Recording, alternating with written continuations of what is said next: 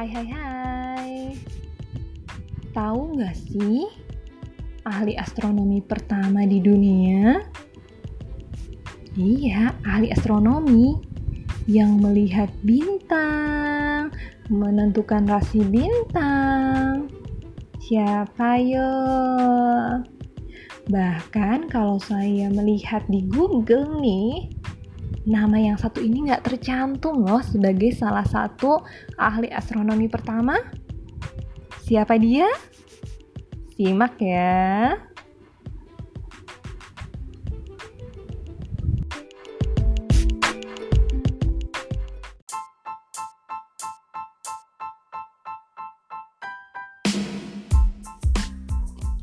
Assalamualaikum warahmatullahi wabarakatuh. Hai Bunda Solihah, kali ini saya ingin mengisahkan mengenai ahli astronomi pertama. Siapakah dia? Malam hari begitu hening. Di langit bintang-bintang berkerlip. Bulan bersinar temaram. Sesekali meteor atau bintang jatuh melesat, menembus lapisan atmosfer bumi. Meteor itu meninggalkan cahaya melayang yang indah sekali. Cahaya itu pun menghilang seiring dengan terbakarnya meteor di atmosfer bumi. Sungguh, pemandangan malam yang luar biasa sekali. Ketika itu, hampir seluruh penduduk negeri terlelap dalam mimpi. Namun, dalam keheningan malam hari itu, seorang hamba Allah tiada henti menatap langit malam. Dengan peralatan sederhana yang dia ciptakan, dia mampu melihat bintang-bintang dengan lebih jelas. Menatap langit malam yang luas, tidak berbatas, membuat manusia merasa kerdil. Menyadari itu semakin menambah keimanan di dada manusia. Menyadari itu membuat manusia semakin yakin bahwa Allah itu maha hebat. Allah Subhanahu wa Ta'ala mampu menciptakan langit yang sedemikian luas. Allah kuasa menciptakan bintang yang beredar pada garis batasnya, yang satu sama lain tidak saling bertabrakan. Masya Allah, Masya Allah. Bibirnya tidak putus memuji nama Allah untuk semua keagungan yang dia saksikan. Keindahan malam membuat Nabi Idris selalu terpesona. Beliau mengagumi ciptaan Allah itu. Kemudian berusaha mempelajari peredaran bintang dan letak-letak bintang.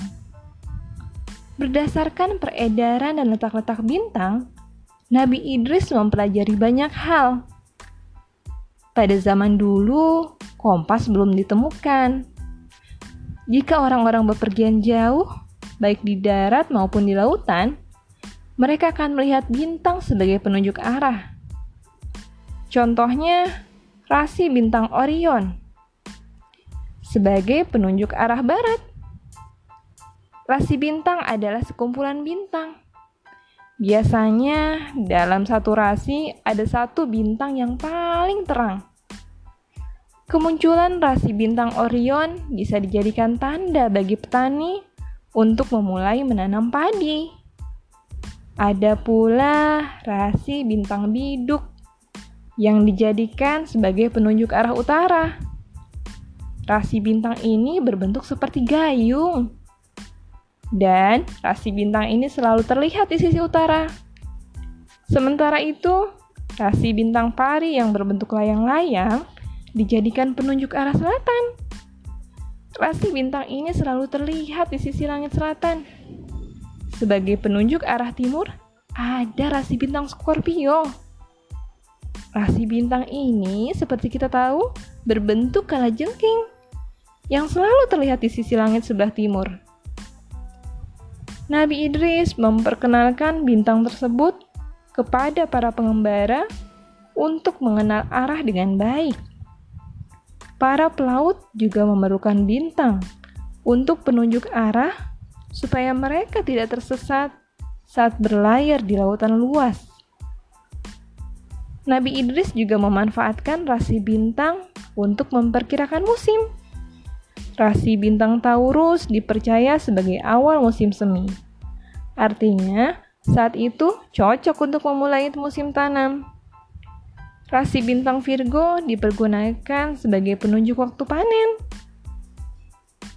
Allah Maha Kuasa. Allah membekali setiap hambanya dengan ilmu pengetahuan yang tidak berbatas. Manusia hanya perlu belajar dengan gigih. Adapun ilmu untuk mempelajari bintang-bintang itu disebut astronomi. Nah, Nabi Idris alaihi salam inilah seorang ahli astronomi pertama di dunia. Poin pentingnya di sini adalah bahwa Allah membekali kita dengan ilmu pengetahuan yang masya Allah tidak terbatas. Jadi, jangan batasi diri kita untuk mencari ilmu, karena kita harus belajar dengan gigih untuk mendapatkan ilmu tersebut. Itu saja kisah hari ini. Terima kasih. Wassalamualaikum warahmatullahi wabarakatuh.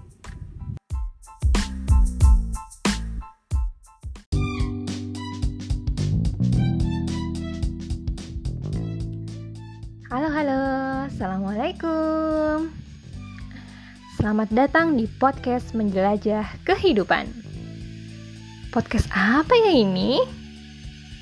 Kok menjelajah kehidupan? Iya, ini kita akan menjelajah kehidupan para nabi, sahabat yang hidup di masa lalu, namun kisah-kisahnya akan terus menginspirasi kita di masa sekarang. Dan banyak banget loh hikmah yang bisa kita ambil di masa ini. Jadi, ikuti terus podcast saya ya. Terima kasih. Wassalamualaikum warahmatullahi wabarakatuh.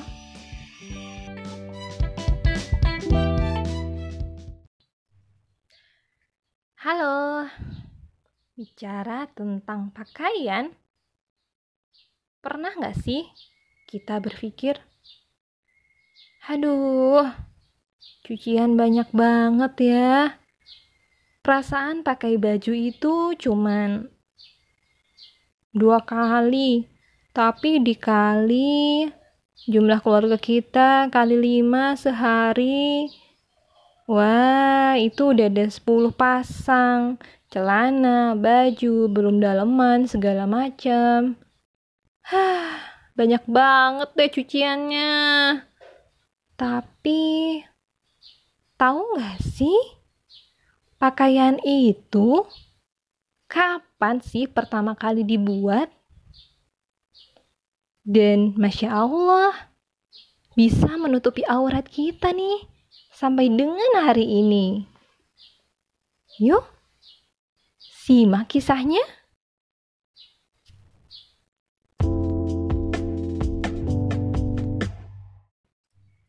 Assalamualaikum Bunda Solihah.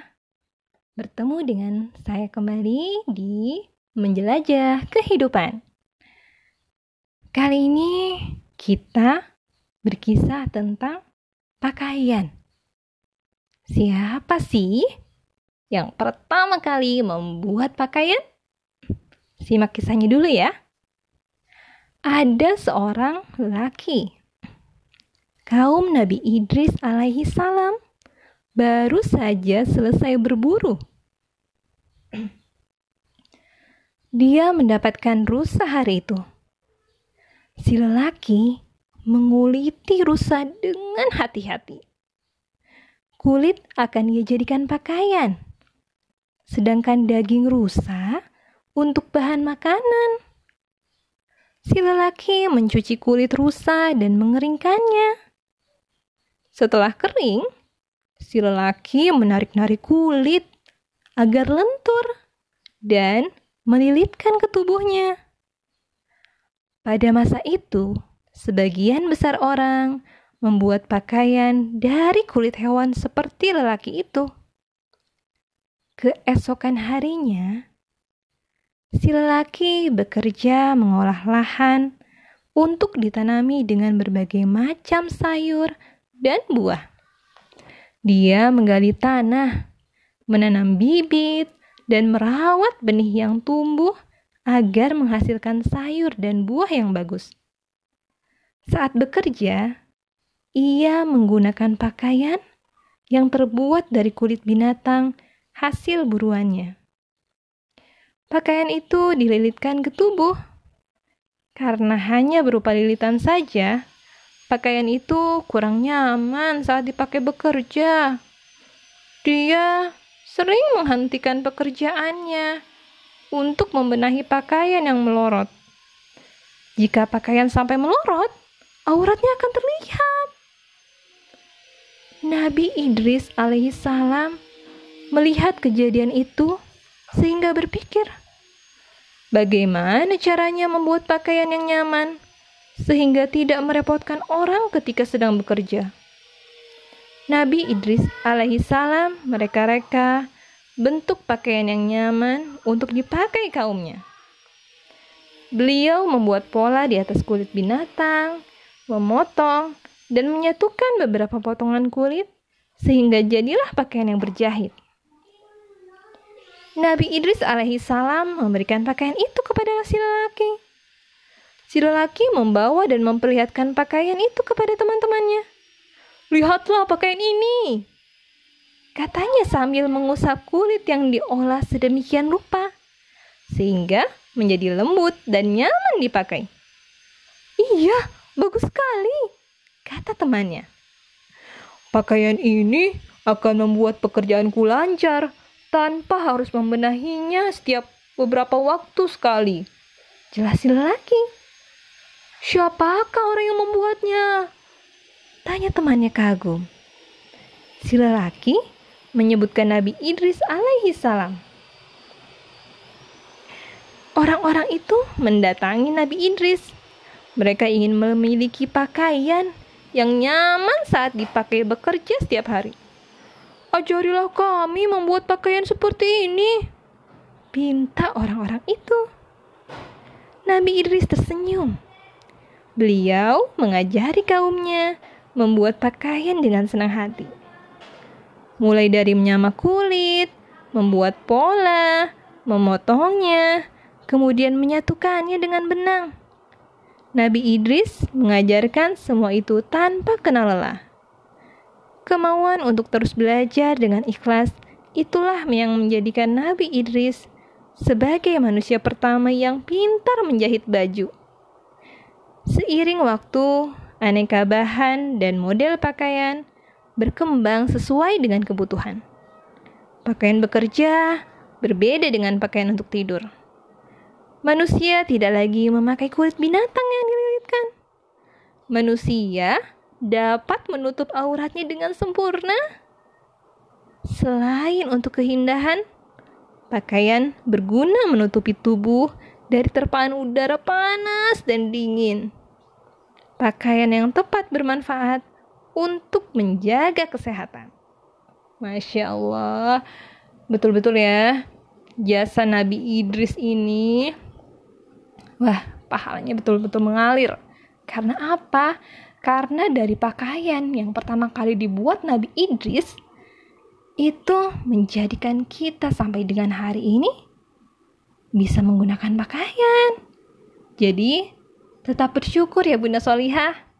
Walaupun cucian numpuk dengan baju beraneka macam baju, tapi kita bersyukur bahwa kita bisa memakai pakaian untuk menutup aurat kita, untuk melindungi dari sinar matahari, untuk melindungi dari panas, hujan, dan dingin. Oke, itu saja podcast kali ini. Terima kasih. Wassalamualaikum warahmatullahi wabarakatuh.